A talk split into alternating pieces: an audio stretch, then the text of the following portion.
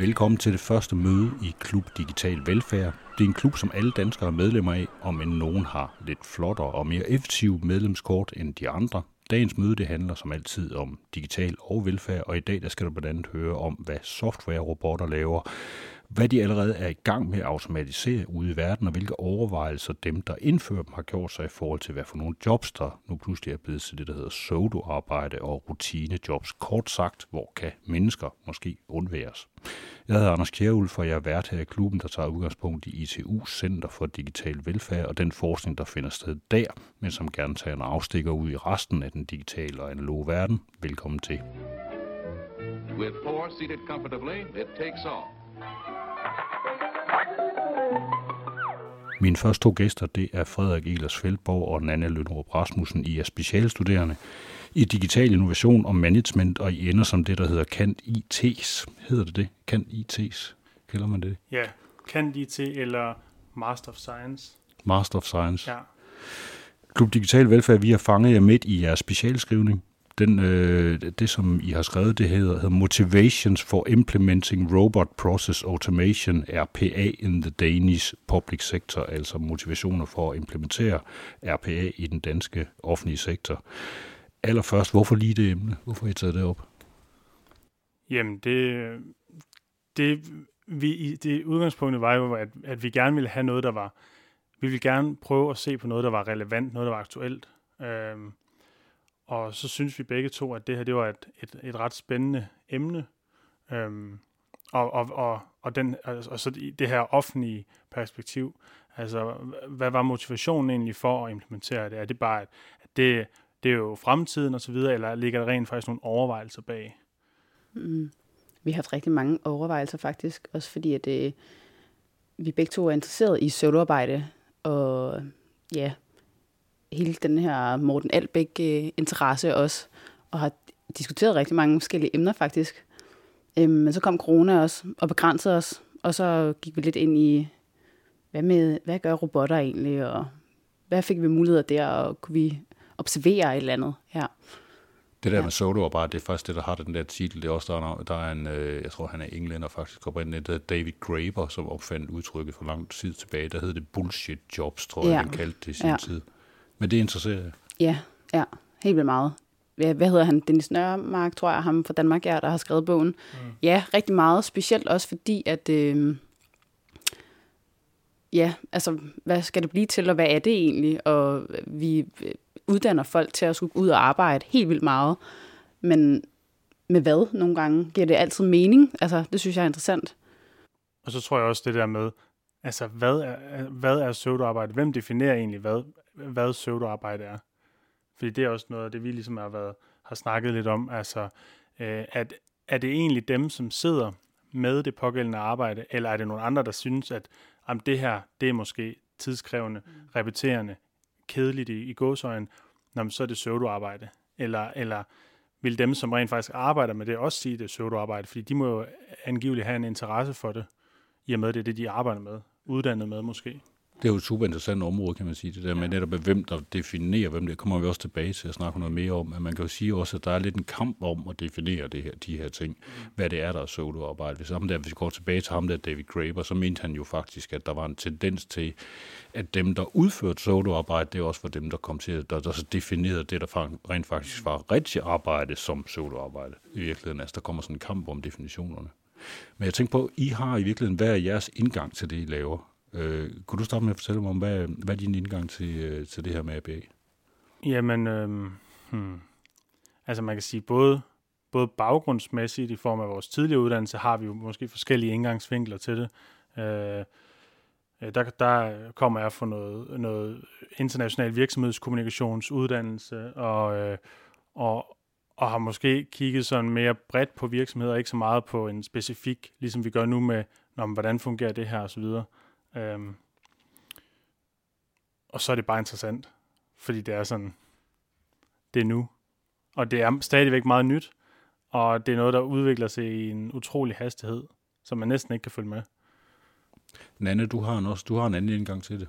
Ja, jeg har en bachelor i IT og sundhed fra KU faktisk, hvor det, det hele eller rigtig meget handlede om at udvikle teknologier og telemediciner telemedicin til øh, patienter.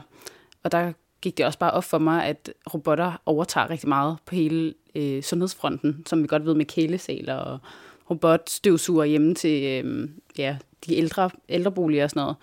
Og ja, det har bare hængt ved, tror jeg også, fordi det har taget fart. Altså, vi, er jo, vi ved jo, at det vil være en del af det fremtiden, så vi kan lige så godt indse, at det kommer, men ja, hvad, har, hvad betyder det egentlig? Det er spændende. Ja.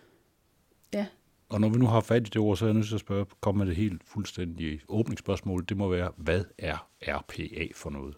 Hm. Ja, det, det er jo... Man kan sige, det er, jo, det er jo robotter, men det er ikke, hvis man forestiller sig science fiction film med robotter, der går rundt. Altså det er, det er software-robotter, øh, øh, og så er der også nogen, der brugt øh, ordet som øh, desktop-robotter, men det er så nogen, der ligesom bliver styret, mens de sidder der, hvor software-robotterne, de kan godt køre øh, 24-7, altså de kan bare køre af sig selv hele tiden, men de er nogen, der er øh, hele tiden kontrolleret af mennesker, lavet af mennesker, og de er ikke øh, autonome, selvtænkende. Så den der AI, øh, machine learning del, den er man ligesom ikke nået til endnu. Så det er, det er, øh, det er den, det er den, den primitive robot, hvis man kan sige det sådan. Ja, der, der, eller der arbejder i samme interface som et menneske, så den er simpel og løser de her rigtig administrative øh, rutinearbejde, som ja, enhver for gaden egentlig ville kunne løse på en computer. Ja. Og så er det smarte jo ved dem, at de optimerer processer, og at det går stærkt. De arbejder ekstremt meget hurtigere end mennesker, og de arbejder, kan arbejde 24 timer i døgnet, uden at, øh, at effekten af dem ændrer sig. Ligesom et menneske vil blive træt af at sidde klokken 3 om natten og lave sagsbehandling, men det gør robotten ikke. Eller bruge 10 timer på noget sagsbehandling. Der kan de ligesom ja. snappy gøre det noget hurtigere, men det er kun gældende for altså, processer, som er ensartet. Så det, det er det her med, at de, de skal ligesom, det skal være noget, der er en ensartethed i, øh, for at de ligesom kan øh, opstille nogle, nogle algoritmer og regler. Fordi hvis det varierer for meget, så kan du ikke rigtig sætte et regelsæt om, hvordan det her det skal forløbe, hvis det kan variere.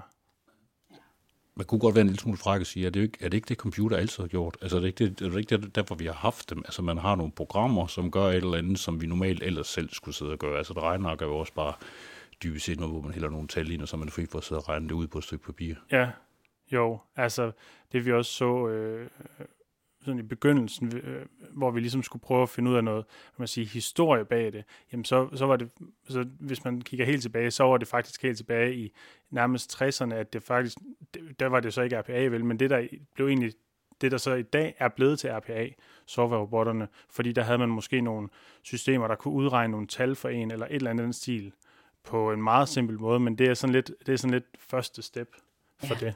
Ja, og så man bare øh, ikke bleg for at implementere det nu. Altså, det tror jeg ikke, man har været på helt samme måde før. Der har ikke været de her effektiviseringskrav ønsker på samme måde førhen, og det kommer bare stille og roligt nu. Altså, og man finder ud af, at, det kan, at de kan fungere rigtig, rigtig mange steder. Så det er effektivisering, der hvad skal man sige, ønsket om at måske at spare nogle penge, eller i hvert fald gøre det mere effektivt. Det er det, der skubber på for at få det fremad. Ja. Det er der, det sker. Har I nogle eksempler på, hvor man kan sige, hvor, hvor bliver det brugt hen i dag? Det bliver brugt i sagsbehandling især.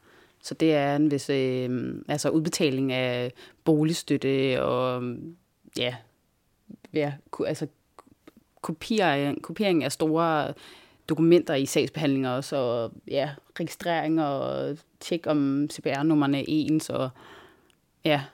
Og der er også nogle steder, hvor at de, øh, det var i nogle kommuner, hvor de også har, har talerobotter, jamen så hvis du for eksempel som borger ringer ind, så er det faktisk en robot, du taler med. Og, øh, og, og så kan den ligesom forstå, om okay, den siger for eksempel til dig, at du skal, den skal have dit CPR-nummer. Når du så siger det, så kan den så høre det og mm. sætte det på par, eller på skrift. Øh, så den kan sådan overføre lyd til øh, noget, der bliver skrevet. Så det er et andet eksempel, hvor de også har det. Men det er kommunerne, det er sagsbehandling, der er det store ting. Sagsbehandling. Rejsekortet ved DSB har det også. Altså det her med at låse, spærre, øh, spærre, ja, spærre rejsekortet, det er også, øh, fordi det, det skal på en eller anden måde kunne ske 24 timer i døgnet. Og der kan de jo ikke rigtig have ansat til at sidde hele anden bare og skulle spærre, hvis der er et eller andet galt. Så der er også ligesom en robot, der så kan gå ind og sige, åh, oh, det skal lige spærres det her kort. Ja. Hvad, hvilke grunde er det nu, spørger jeg helt naivt? Hvad, hvorfor spærrer man de kort? Er det fordi folk ikke har betalt på dem, eller, eller hvordan? Eller? Det er ofte fordi folk mister dem, og der så man et problem i DSB, fordi at øh, folk ofte mistede dem om natten, når de var på vej hjem fra byen, eller, og der var det problem, at folk først mødte ind kl. 8, øh, for der var nogen, der ikke havde kunne finde sit rejsekort. Mm. Og så kunne man bare se, at der var et behov, og så implementerede man nogle robotter, og så var der en, der spurgte, hvorfor kører de egentlig ikke bare døgnet rundt? Og så behøver vi ikke have folk sidde på dem om dagen heller. Det, så det blev bare automatisk, ja, automatiseret mm. døgnet rundt. Ja. Der gik et rygte om det, nu det, det ved jeg ikke, om det om jeg kan bekræfte, der er kraft, jeg ved ikke, hvor meget det med det her at gøre, men der går et rygte om, at man også har nogle algoritmer kørende inde hos DSB, eller i hvert fald på rejsekortdelen, som hedder, at hvis folk de pludselig skifter rejsemønster for meget, så kan man også spærre kortet, fordi man viser mistænkelig adfærd, som det hedder så smukt. Er det noget, I ikke har hørt om os, eller kan bekræfte? Det ved vi faktisk nej, ikke. Nej, det ved vi ikke. Det har vi ikke snakket om. Nej. Men det skulle ikke undre mig. Det kunne jo sagtens ske, for man kan sige, Ja. der, selvom det var skift, ad, altså skift rejsemønster og sådan noget, så vil det jo være en eller anden ensartethed, der så kommer i det. Mm. Øh, så på den måde kunne man måske godt sætte nogle regler op, der så siger, åh, oh, øh, det skal vi lige være opmærksom på, den spærrer vi lige. Ja. Så det, Og her kommer vi så lidt ind på, kan man sige, de steder, hvor vi øh, som nogle vigtige opdelinger, vi er nødt til at lave, vi er nødt til at snakke om, hvad, altså RPA versus kunstig intelligens versus robotter. Altså, hvad er forskellene på de her tre? Hvis vi prøver at tage start med at sige, hvis vi snakker en almindelig robot, der forestiller vi os, som I var inde på før, øh, noget fysisk. Det er det her, ikke? Det er software, Mm. som kører derinde. Så har vi det her kunstig intelligens, som alle også taler om, og som er meget moderne at tale om i øjeblikket. Hvad er forskellen på en RPA og en kunstig intelligens? Altså, jeg, tror, at, at eller ikke, øh, altså, de RPA-robotter, øh, der øh, ligesom kører rundt omkring i dag, de har ikke den her kunstig intelligens, fordi at kunstig intelligens, det er jo, den, det er jo lidt den der menneskelige del, man kan sige, en robot kan have. Og der, der er de så bare ikke nået til endnu. Øh, I hvert fald på de områder, hvor vi har kigget. Øh, men det er jo, altså, det vi også kunne høre, det er noget, det, det, hele den der kunstig intelligens øh, og machine learning, altså evnen til ligesom at kunne lære hen ad vejen, det, det er noget, som de alle sammen, eller mange af dem regner med, at der også kommer på et tidspunkt for en år, inden for en årrække. Øh, og, og, og vi hørte også flere, hvor det var noget, de så frem til, for så kan du ligesom lige pludselig bruge robotterne til nogle andre ting, og du kan måske også afvige fra, at det altid skal være ud fra regelsæt, men at du rent faktisk kan lade dem lære hen ad vejen. Man træner AI og machine learning Ja. eksempelvis. Nu jeg, jeg specialiserer mig i big data, øhm, hvor rigtig meget af AI og machine learning handler jo om matematik og data. Store, store mængder data. Jo mere data du kan have, jo bedre er det. Og så træner man dem simpelthen, og især inden for kundebrugeradfærd, ligesom Google og Facebook og Netflix, de kan jo via algoritmer og data specialisere kundernes adfærd og sige, okay, vi kan se, at Frederik han interesserer sig rigtig meget for true crime. Okay, så går vi ind og bruger data til at finde ud af det.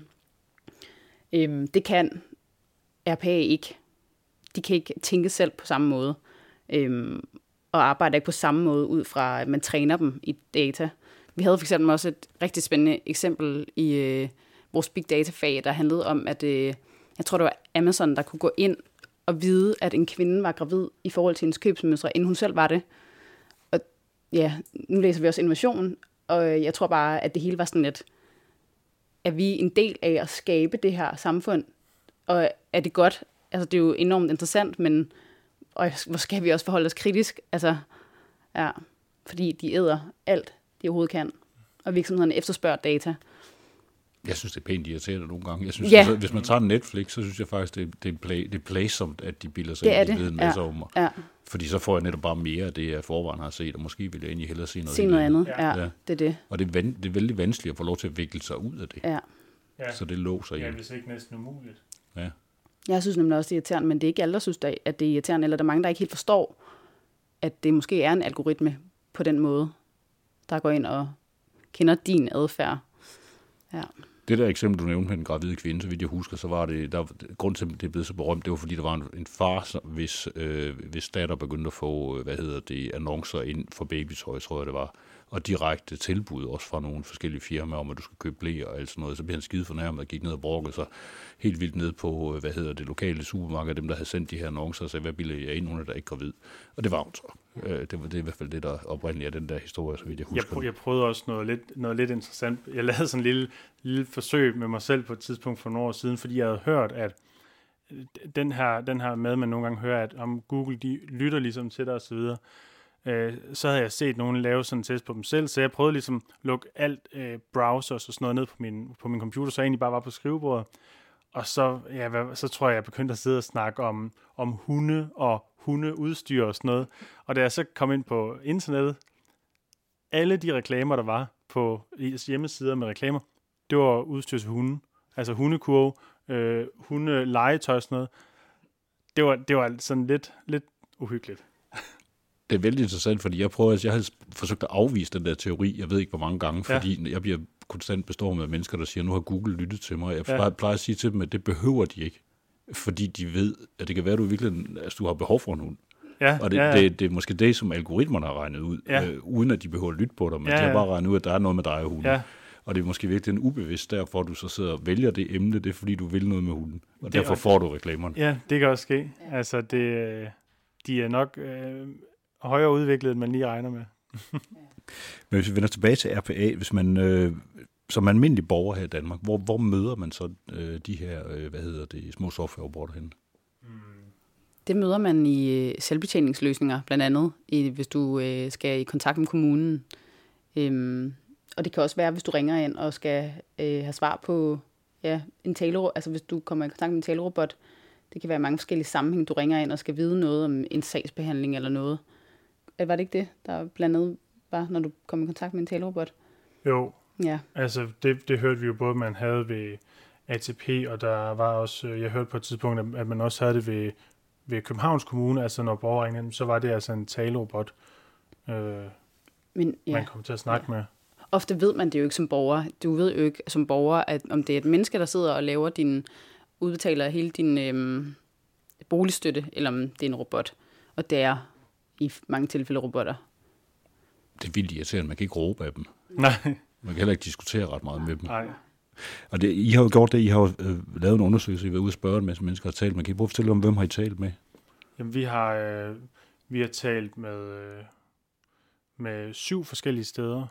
Øh, skal jeg bare nævne dem. Øh, vi har snakket med en fra Næstved Kommune, en fra Koncern IT, så kan man sige under Københavns Kommune, en fra Viborg Kommune, en fra, øh, eller to fra Ankestyrelsen, øh, en fra ATP, og, øh, og en fra DSB Automation, og en, fra- har jeg sagt Viborg Kommune? Carp Consulting. Og Carve Consulting, ja. Det var dem. Har I, hvad, hvad har I ikke brugt det kriterie, der ligesom skulle sige, det er dem, vi skal snakke med? offentligt, at det var noget, der var. Øh, i- starten, tro, jeg tror, I starten havde vi lidt sådan, jamen, det var kommuner, vi skulle kigge på, men det kan også være lidt vanskeligt lige at, at, at skulle opskrave så mange. Så, så derfor var det så bare, vi valgte at sige, jamen, the Danish public sector, fordi så var det ligesom også lidt, lidt bredere. Øh, Det startede også med, at vi faktisk gerne ville have lavet noget feltarbejde. Så det havde været nemmere, tror vi, hvis vi kunne komme ud i en kommune og snakke med dem og observere, okay, hvordan kører de her robotter. Og, men det kunne vi så ikke på grund af corona. Ja. All pertinent information about this family, its records, its tastes and reference material, is stored in these memory banks, available instantly to every member of the family. Du lytter til Klub Digital Velfærd. Vi taler om software-robotter i det offentlige. Mine gæster det er Frederik Elers Feldborg og Nana Lønnerup Rasmussen, de er specialstuderende ved ISU, Center for Digital Velfærd. Og det er fristende lige at hoppe hen over det her begreb digital velfærd som sådan. Øh, hvis I, hvad, hvordan har I det med det? Det begreb, hvad, siger, hvad betyder det for jer? Hmm. Ja, jamen, altså, hvis man deler det op, så tænker jeg jo lidt, at velfærden, det er jo, det er jo sådan den her store samfundsmæssige ting, som vi alle mm. ved, vi ligesom, det er den her velfærdsstat, vi er i. Og, og så det her med, det hele begynder bare at blive mere og mere digitalt.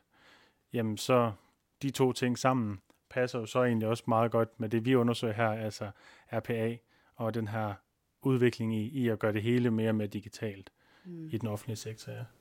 Jeg kan nogle gange godt blive i tvivl om, om, de løser, altså om det løser de problemer, der egentlig er øh, herude. Med, altså, ja, jeg kan ikke komme med nogle konkrete eksempler. Jo, altså robotstøvsuger for eksempel. Det er Altså- digital velfærd. Det er vel også digital velfærd. Ja. Øhm, Har du en? nej, det har jeg ikke. Men de bliver jo ofte brugt af hjemmeplejen, ikke?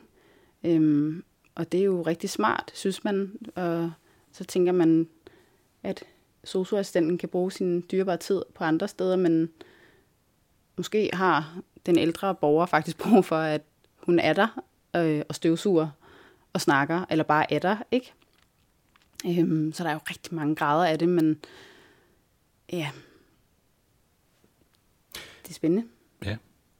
Her i Danmark der har vi haft øh, utrolig mange såkaldte digitale strategier igennem de sidste 20 år. Jeg tror nok, den før, det første seriøse bud på en, det var det, der hed Dybkær-rapporten, der blev færdiggjort i 1994. Den seneste strategi, den hedder den fælles offentlige digitaliseringsstrategi 2016-2020, og det vil sige, at der må være en på vej inden for relativt kort tid, sådan lige omkring ørerne her. De her strategier, dem har I også haft hovederne nede i. Altså, hvad, kan I, kunne I hjælpe lidt med sådan, hvis for dem, der sådan bare sidder og kigger på de her mærkelige ord, så sige, hvad er, er der et mål med de her strategier? Hvor skal vi hen? Er det sådan, øh, når I har siddet og kigget på dem, tænker I så, jamen det er fordi, så vil man det? Mm, jamen, dybest set så tænker jeg, at hvis man kigger på et overordnet mål, så, så vil det jo være, at, at man vil have et mere digitalt samfund. Mm. Øh, og, og jeg tror ikke som på den måde, at man vil gøre det digitalt i den øh, på den måde, at man vil øh, spare en, en hel masse penge i forhold til arbejdskraft. Altså det, man, det er ikke nødvendigvis det her skrækscenarie, som mange har med, at at mennesker nødvendigvis bliver erstattet af robotter, men det er mere øh, den her effektivisering i forhold til at kunne, kunne gøre visse ting hurtigere og mere effektivt. Men være Ja. de førende i Danmark også. Altså, det er også fremtiden at være et førende digitaliseringssamfund. Ja, I skal være verdensmester i digitalisering. ja det simpelthen. kunne være Ja. Det, det, fedt. er der nogen, der synes? Så er jeg også nødt til lige at komme ind på, at der er sådan noget, der har været en blanding af en kæppe jul til alt det her, men samtidig også været, hvad skal man sige, ansproget udvikling, det er netop altså covid-19 øh, og corona, som vi har haft her i landet og sådan noget. Hvordan har det påvirket det her med RPA over, det, over hele linjen?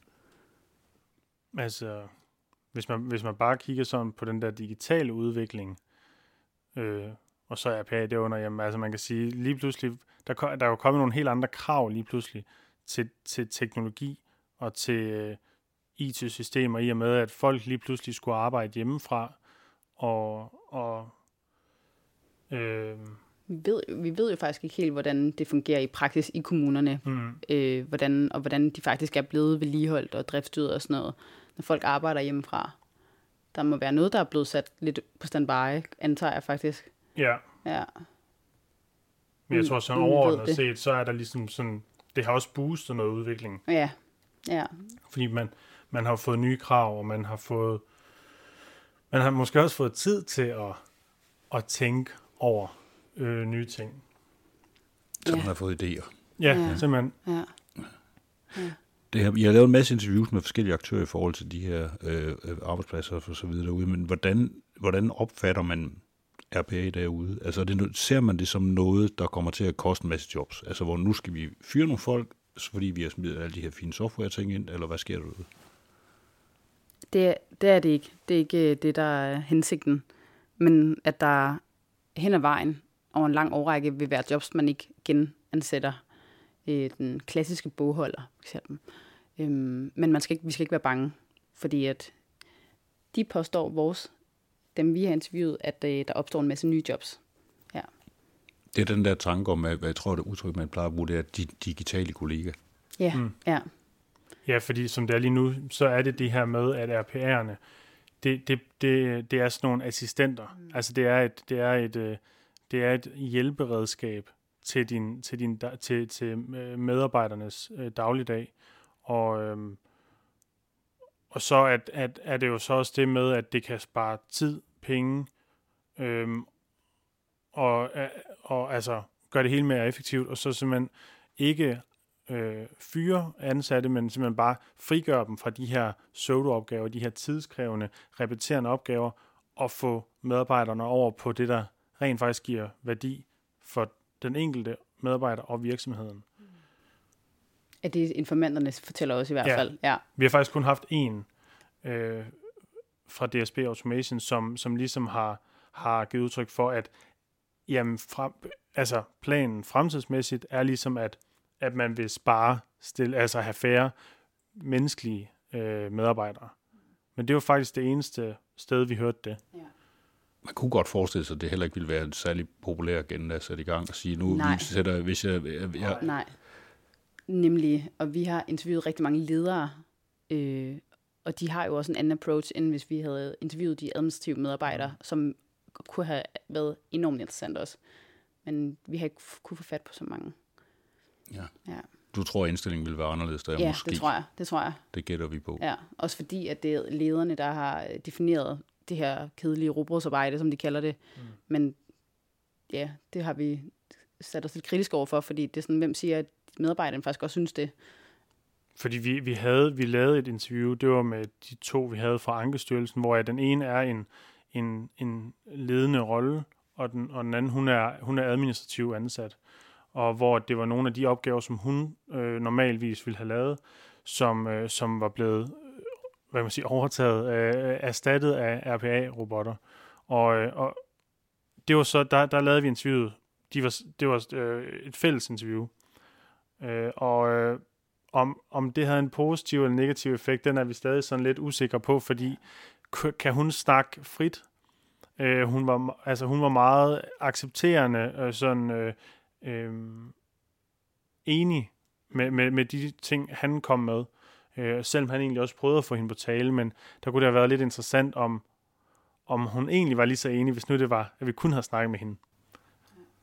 Det kan være, at jeg skal prøve med nogle anonyme undersøgelser næste gang. Et eller andet Ja. sted for at sende noget, sådan noget spørgeskema Ja. ud til folk og se, hvordan de har det. Ja. Det, er faktisk lige, det har jeg faktisk lige diskuteret i går, øh, at det kunne være spændende at lave spørgeskemaer. For at høre, hvad de mener omkring de Ja, her ting. Fordi det vi, så, det, vi så er inde på nu, det er jo, at det, her, det som er hele essensen af RPA, det er, at det skal afskaffe det, som man kalder for rutinearbejde, pseudo-jobs, robotsarbejde, som vi kalder det. Mm. Jeg synes jo, at robotsarbejde, det lyder egentlig meget rart. Altså, det, det er sådan, altså, vi spiser alle sammen robot, men det i hvert fald altså det der, det er det kedelige arbejde, ikke? Jo. Og der, der er netop, som I siger, hvem er det så, der skal definere det her, hvad, hvad, hvad, altså hvad det er, der er kedeligt, og det siger det er cheferne. Ja, fordi det er jo, der, altså det er jo, det er faktisk en, vi også synes, der var super interessant. Altså det her med, når, altså hvem er det egentlig, der definerer det? Fordi hvis det bare, hvis det er, at det hver gang er ledelsen i virksomhederne, jamen, så kan det godt ske, at de synes, at papir eller et eller andet sagsbehandling er sindssygt kedeligt. Fordi det er jo slet ikke noget, de nogensinde vil beskæftige sig med. Men igen, så kan det jo godt ske, at den person, som rent faktisk arbejder med det, er jo blevet ansat i den stilling, antageligt, fordi at den person, okay, det ved jeg ikke om var et ord, men man kan antage, at den person ligesom er uddannet i det, og har en interesse for sagsbehandlingen. Øhm, ligesom man kan have for tal og regnskab osv., som måske også for mig vil virke super kedeligt, men det er jo ikke alle, der synes det. Så det er det der med, om, okay, hvem definerer, hvad robotsarbejde, pseudoarbejde er, øh, og er der så enighed om det? Det er jo lidt spændende. I må også have haft inden, fordi I har siddet og lavet her på det sidste, og kommer til at lave mere af, når I engang skal være færdigt. Så må der vel også være robotsarbejde mm. i at skrive special. Ja, Der er ikke andet. det er så heldigvis robotsarbejde er den, er den mere interessante slags, men altså i, i, i min verden, så, så øh, skal man selvfølgelig altid bestræbe sig på at få det job, der interesserer dig, så du er mest glad for at gå på arbejde, men der vil jo altid være en eller anden øh, et eller andet aspekt i, i job, som, hvor du lige tænker, ah, det, det er ikke lige det her, jeg har allermest lyst til at lave, men det er en del af det. ja. En anden ting, som man er nødt til at snakke om, når man snakker om øh, RPA, det er, hvordan undgår man, at de laver fejl, de her ting. Det sker vel også indimellem. Altså, der er, der er nogle ting, man skal sætte det op, og jeg tænker på sådan noget med netop, hvis du nævner nogle af de eksempler, I har nævnet, nævnt øh, i de offentlige forvaltninger med, at de sender afgørelser ud og alt sådan noget forskelligt der. Er der nogen, hvad, hvad har man, har man, gør man sig nogle tanker om, altså før man sætter de her ting, det gør man jo nok, altså om de fører det rigtige sted hen, altså, og hvordan man undgår, at de kommer til at bøf, lave en eller anden stor fejl. Man laver rigtig mange stikprøver øh, undervejs, hele tiden faktisk. Og hvis der er noget, robotten ikke helt kan finde ud af, eller den kan se, at der er noget, der mangler i en sagsbehandlingsskabelon eller andet, noget data, så ryger den simpelthen videre til en, altså til en medarbejder også. Men de laver fejl, og vi, det er svært at måle, om de laver flere fejl. Det ved vi faktisk heller ikke, og det er også det, vi synes, der er spændende. Fordi at, hvordan måler man egentlig menneskelige fejl versus robotfejl? Øh, og hvilke er mest alvorlige? Det er jo også, altså... Ja, fordi så der er jo den, altså man kan sige, øh, mennesker, de laver, de laver, vil altid lave fejl. Altså det kan man ikke undgå på, på nogle punkter. Men hvis det så for sådan med RPA-robotterne, jamen der er det udelukkende os, der sidder, eller mennesker, der ligesom udvikler dem og laver dem, øh, sammenlignet med, hvis nu det var nogle robotter, der kunne lære hen ad vejen. Så, så i og med mennesker he, altså, hele tiden vil lave en eller anden for, nogen fejl, jamen så, så kan man vel heller ikke undgå, at der vil være fejl i nogle af robotterne. Øh, Nej, fordi de er programmerede af mennesker. Ja. ja. Som laver fejl. Som laver Som fejl. laver fejl. Ja. ja. ja. Men I siger stadigvæk, at det forholder sig sådan, at man kan faktisk ikke, altså man får ikke, typisk ikke at vide, at det er en robot, der sidder den anden ende. Nej, der, der, der har de jo så gjort det ved, ved ATP, at de simpelthen startede ud med at have den, have den fuldstændig øh, talerobot, der lød som et menneske. Og det resulterede så i, at, at dem, der ringede ind, jamen, de stillede jo alle mulige spørgsmål. Og så blev de så sure, når det var, at den ikke kunne svare på det.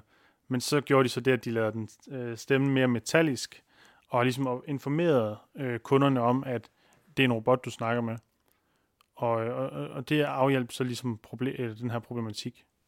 Ja, det kunne jeg godt forestille mig, at det ville være et stort problem, hvis man tror, det er en rigtig person. Jamen det er jo det. Rigtig, altså, så er det bare en underlig person. Ja, en af mine undervisere på ITU øh, fortalte en historie på et tidspunkt, at hun havde, hun havde ringt til et, øh, hun havde, hun, hun skulle ringe til et rejseselskab for ligesom at ændre en, en, en rejsebestilling.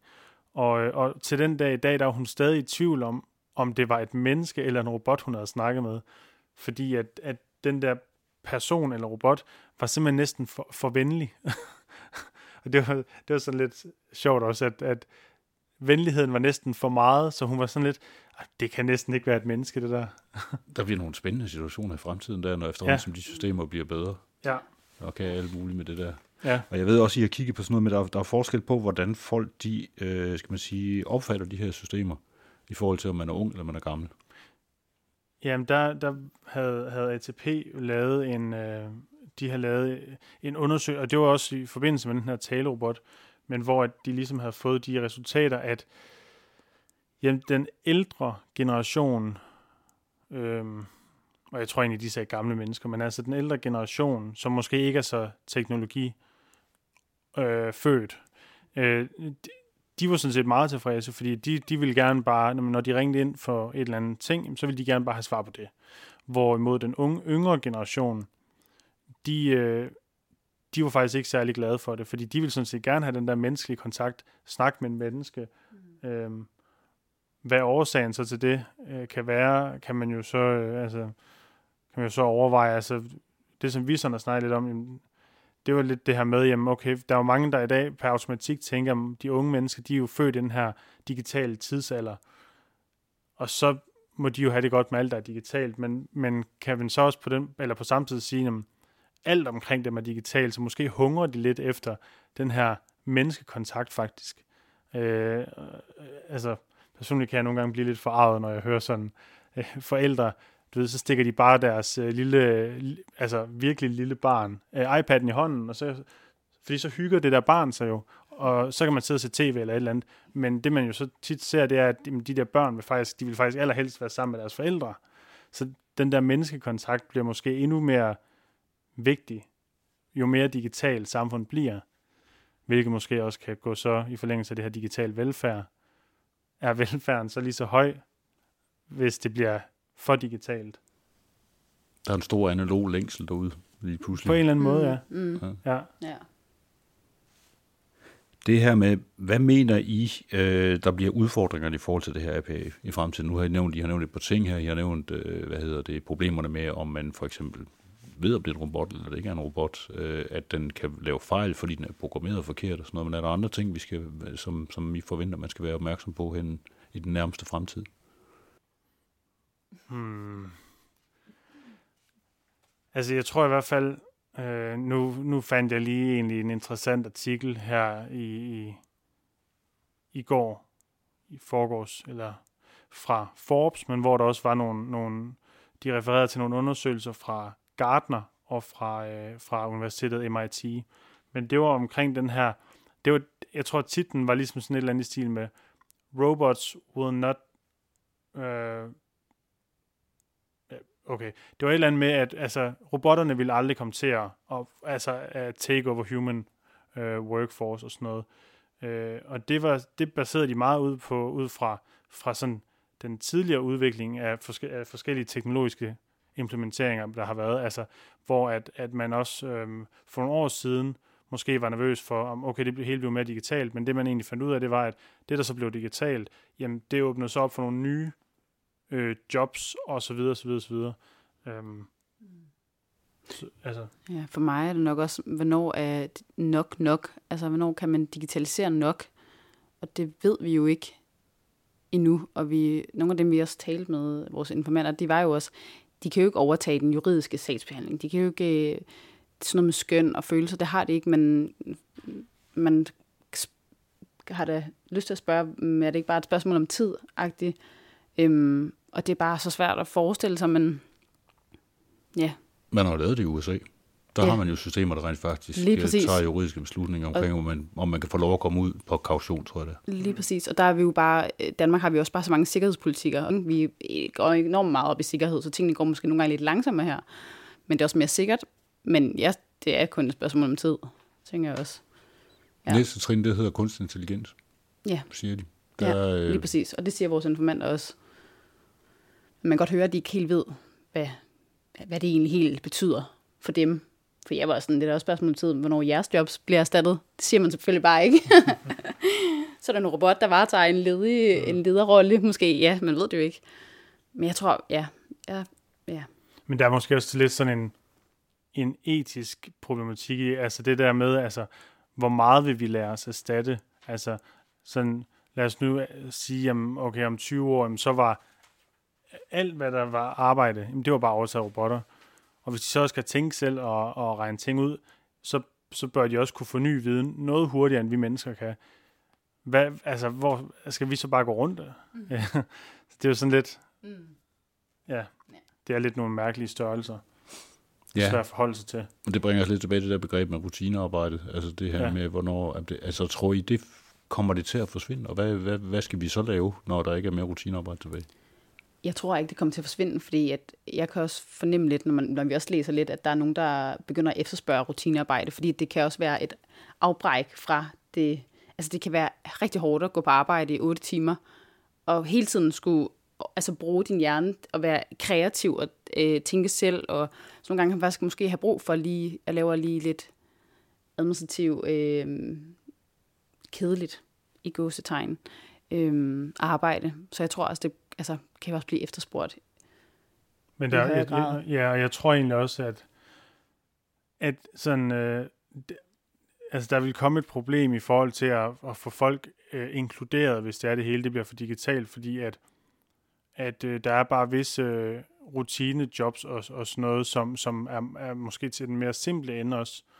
Og, øh, og hvis det hele blev digitaliseret og automatiseret osv., jamen så vil det så være sådan, at okay, for at vi mennesker kunne få noget, så skulle man være sindssygt højt uddannet, fordi du skal ligesom, og, og i, i meget specifikke, du ved, så skal det være lidt med teknologi, og man skal hele tiden videreuddanne sig, fordi du skal faktisk hele tiden være on top of den her digitale udvikling, som bare i forvejen går sindssygt hurtigt. Mm. Og så får man måske, så kan man risikere at få sådan et samfund, hvor at alle, de, alle de skal bare være sindssygt uddannet, så, og, og det er jo ikke alle mennesker, der passer til, til, til syv år på universitetet eller et eller andet. Altså den der sådan forskellighed i mennesker vil jo også øh, blive fjernet lidt, og, og, og der var også en, en, øh, en rapport, som også, den kiggede sådan på to forskellige ting i forhold til det her med, om robotter ville tage over Altså den kiggede på en øh, øh, sådan realistically og, øh, og så øh, identity og hvor at uh, realistically, jamen der var det det her med, okay, om robotterne går ind og tager vores job, eller overtager vores jobs osv., og, og identitet, der var det det her med os som mennesker, altså kan vi så blive ved med at differentiere, okay, hvad er robot, og hvad er menneske? Ja, og hvor står vi så ja. hen imellem ja. alt det her halvøjse, ja. ikke? Altså, og man kan bliver det lige pludselig sådan, at robotterne, jamen okay, dem kalder vi også for mennesker, fordi nu er de lige pludselig, vi kan ikke rigtig, altså, skælne mellem tingene. Mm man kunne sagtens forestille sig, hvis man går lidt dystopisk til værks, en verden, hvor der virkelig bliver ekstremt meget mere pseudo-arbejde efterhånden, som robotterne overtager det, som vel dybest set er meningsfuldt.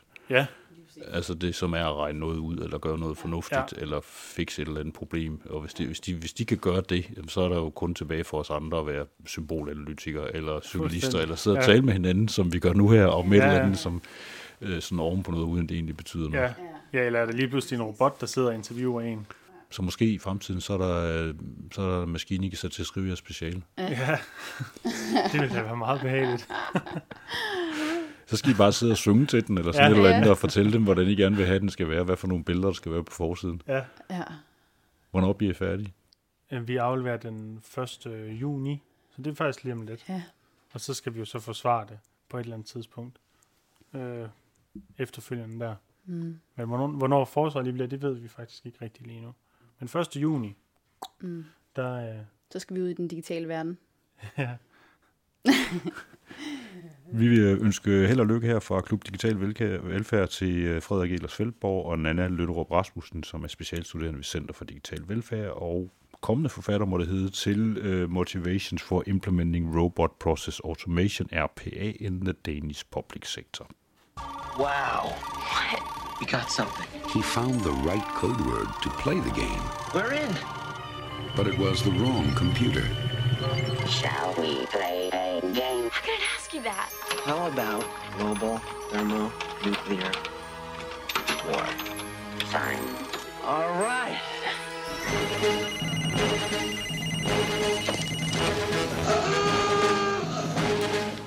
Klub Digital Velfærd har fået besøg af Ole Tangen, IT-politisk rådgiver ved Forbundet af IT-professionel Prosa.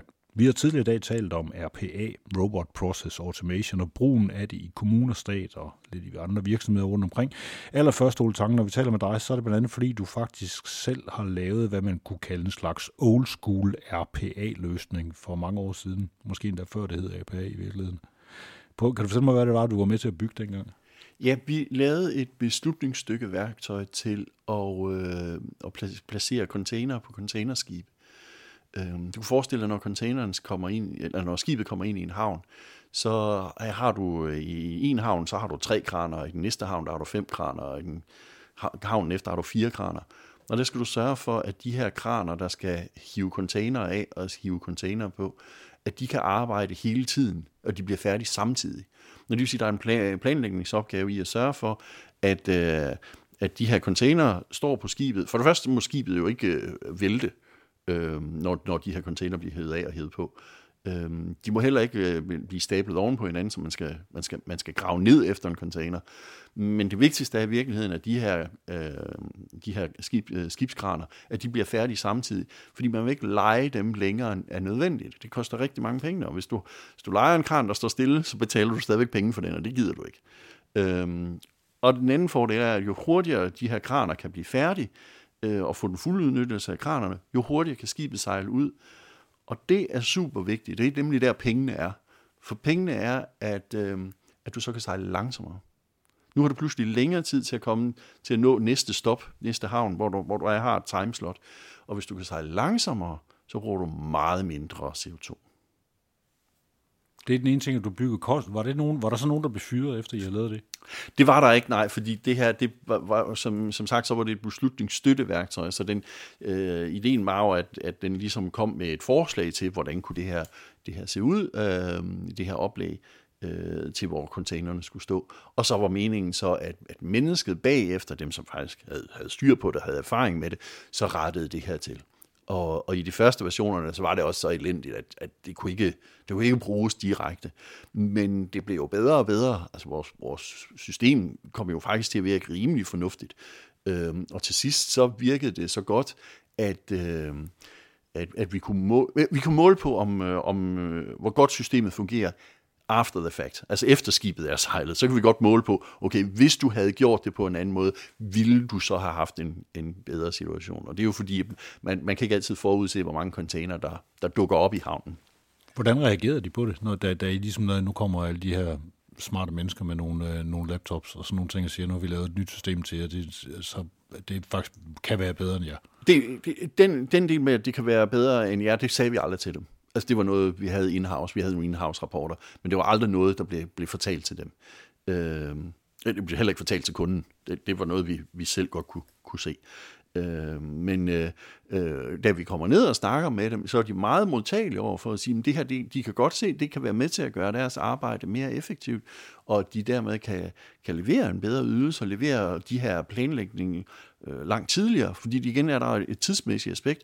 Du har et vist antal timer til at kunne nå det her i, og med det her, så kan man sætte øh, allerede så computeren til at lave et løsningsforslag flere timer før. Det kunne den gøre helt automatisk, så der ikke skulle et menneske involveret i at, at sende den. Så når, når de her planer mødte på arbejde, så var der allerede et forslag klar at sige, kunne det her være en løsning? Øhm, de var faktisk ret positive over for det, og, og specielt så husker jeg den her ene, som var så positiv, han sagde, åh, oh, jeg er simpelthen så glad for, for jeres, jeres løsning her.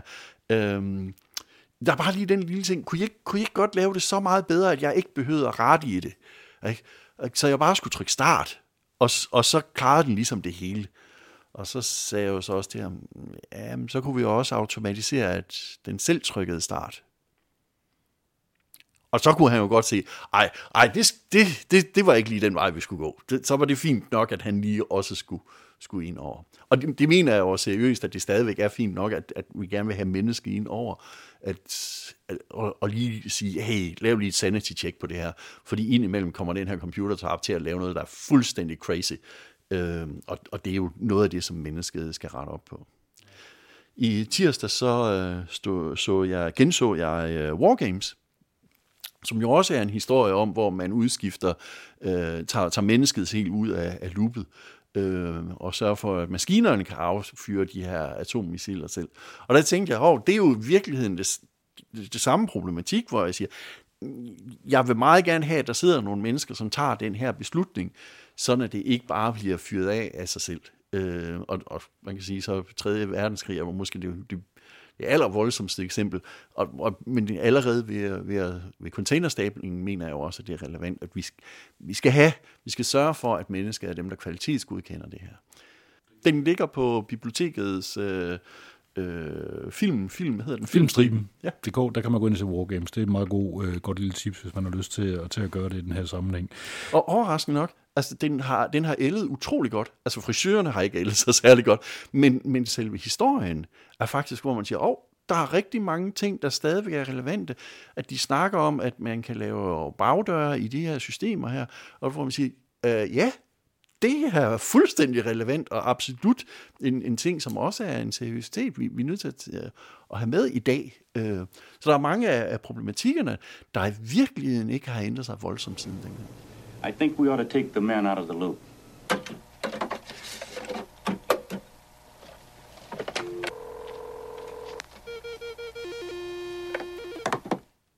Du sidder herinde i Prosa Forbundet af IT-professionelle. Det er jo jeres medlemmer, der skal lave de her sådan små automatiseringer, om det hedder RPA eller det hedder et eller andet andet.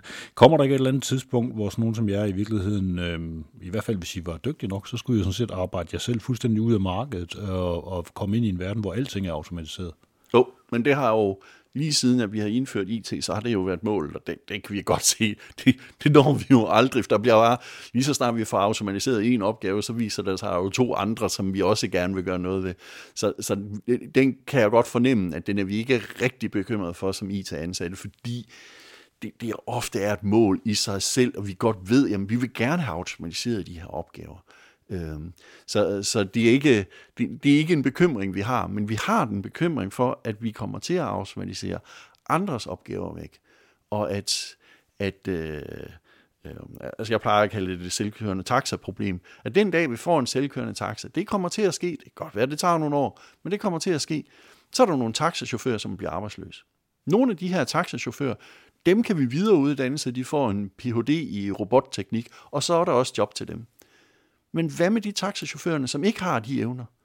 De, de har evnerne til at køre taxa, men de har ikke, uanset hvor meget skolegang du giver dem, det kan de ikke, for de har ikke evnerne.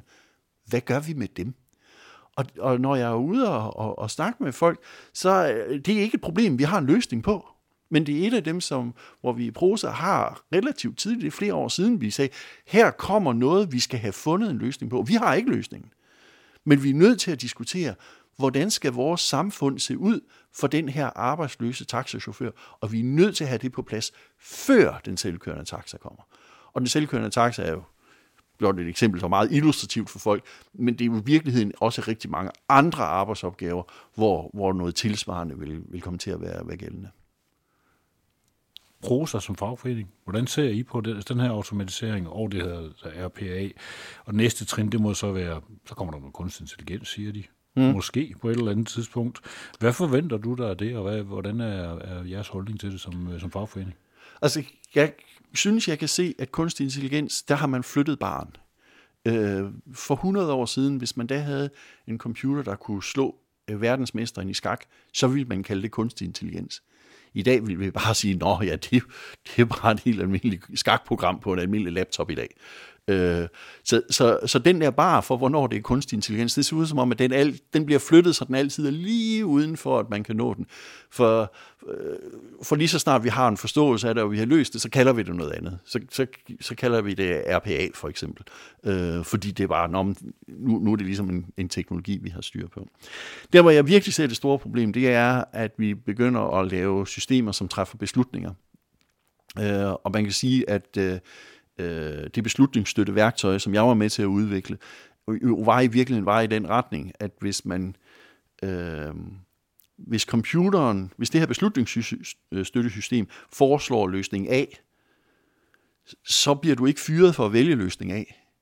Men hvis du siger, det er ikke det rigtige beslutning, jeg vil vælge løsning B, så skal du komme med en forklaring på, hvorfor du ikke vælger løsning A. Og det er i virkeligheden der, jeg kan se, at risikoen er ved, ved beslutningsstøttesystemer. Det gør ikke, at vi skal fravælge beslutningsstøttesystemer, men vi skal i hvert fald gøre det nemmere for mennesket at vælge løsning B, og også sørge for, at mennesket ikke bliver fyret, hvis det nu viser sig, at løsning B faktisk var ringere end løsning A. Mange tak til Ole Tang, IT-politisk rådgiver fra Prosa.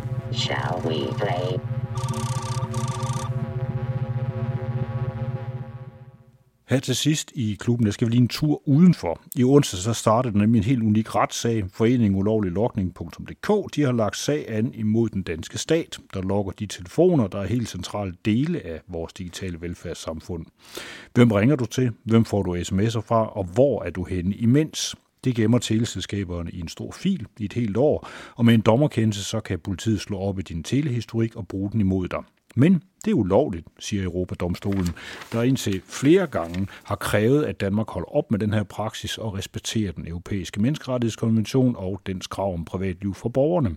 I onsdags der tørnede foreningen mod ulovlig lukning så sammen med kammeradvokaten i Østerlandsret i København. Jeg mødte to glade aktivister i Silen Regnvejr. Ja, hvad hedder det? Øhm? Hvorfor er vi kommet her i dag? Jamen, jeg er kommet her i dag, fordi det jo er en festdag, når man skal i retten. Øh, I hvert fald, når det er os, der har sagsøgt, og vi har en god chance for at vinde sagen. Så vi skal ind og støtte vores advokater, som har gjort et kæmpe arbejde. Vi skal på den måde sige tak til alle dem, der har sendt penge til os, alle dem, der har støttet os på nettet, på medier, sociale medier osv. Så, så jeg skal selvfølgelig være her de her to dage, hvor vi er i retten. Og så kommer vi simpelthen efter politikerne med nogle af de andre sager, og vi er selvfølgelig nok også nogle af dem, der holder rigtig meget øje med, om de her solnedgangsklausuler og hvad de ellers finder på at bilde os ind. Og når jeg siger bilde os ind, så er det fordi, de jo viser, at de vil gerne udbrede deres lovgivning, de vil gerne indskrænke vores frihedsrettigheder. Og det er jo så der, hvor det rammer den almindelige borger i Danmark, får jo taget deres data alle mulige steder, både frivilligt og ufrivilligt. Og der vil politiet og myndigheder og kommunal stat gerne dykke ned i alle de steder og stjæle almindelige danske borgers data. Og det er jo simpelthen både for galt og urimeligt, og man bliver beskyldt for ting, man ikke har gjort, man bliver tyvtet. Har man været lidt for længe hos sin kæreste, jamen så bliver man måske øh, betragtet som samboende, så bliver der indskrænket. Øh, og man går altså med meget, meget små sko. Øh, vi har kommuner, der kigger på Facebook, kigger på opslag. Så hvis man har en god dag og bager boller med sine børnebørn, jamen så kan man jo lige pludselig komme på revurdering på arbejdspladser, hvad man nu kan. Men det kan altså være, at man bare lige havde en god formiddag. Vi har ikke tillid til alle vores internetudbydere, der skal opsamle data, bevare data, behandle data. Det er meget, meget dyrt at opsamle følsomme data og behandle dem korrekt. Så hele vejen igennem, så har jeg ikke som øh, sikkerhedsmand og IT-uddannet kandidat i datalogi ikke tillid til hele det system. Og derfor bør vi dataminimere, og derfor bør vi lave fokuseret efterforskning Så politiet bør gå meget mere målrettet efter de kriminelle. Skal vi over til? Du ser også totalt skarp ud. Ah, men jeg glæder mig så meget. Det her, det, jeg har også lige tweetet, at jeg har ikke glædet mig så meget til noget i mange år. Jeg kan ikke huske, om det var sådan her, det var at have fødselsdag som barn, men jeg gætter på det. Altså, det er jo det første runde i dag, ikke? Det er os, der, øh, der starter. Vi ligger ud, vi tager den hårdt. Og så i morgen, så får de lov til at svare på det. Uh, så er der lidt diskussion til sidst, men der har kammeradvokaten på forhånd sagt, at det behøver de ikke.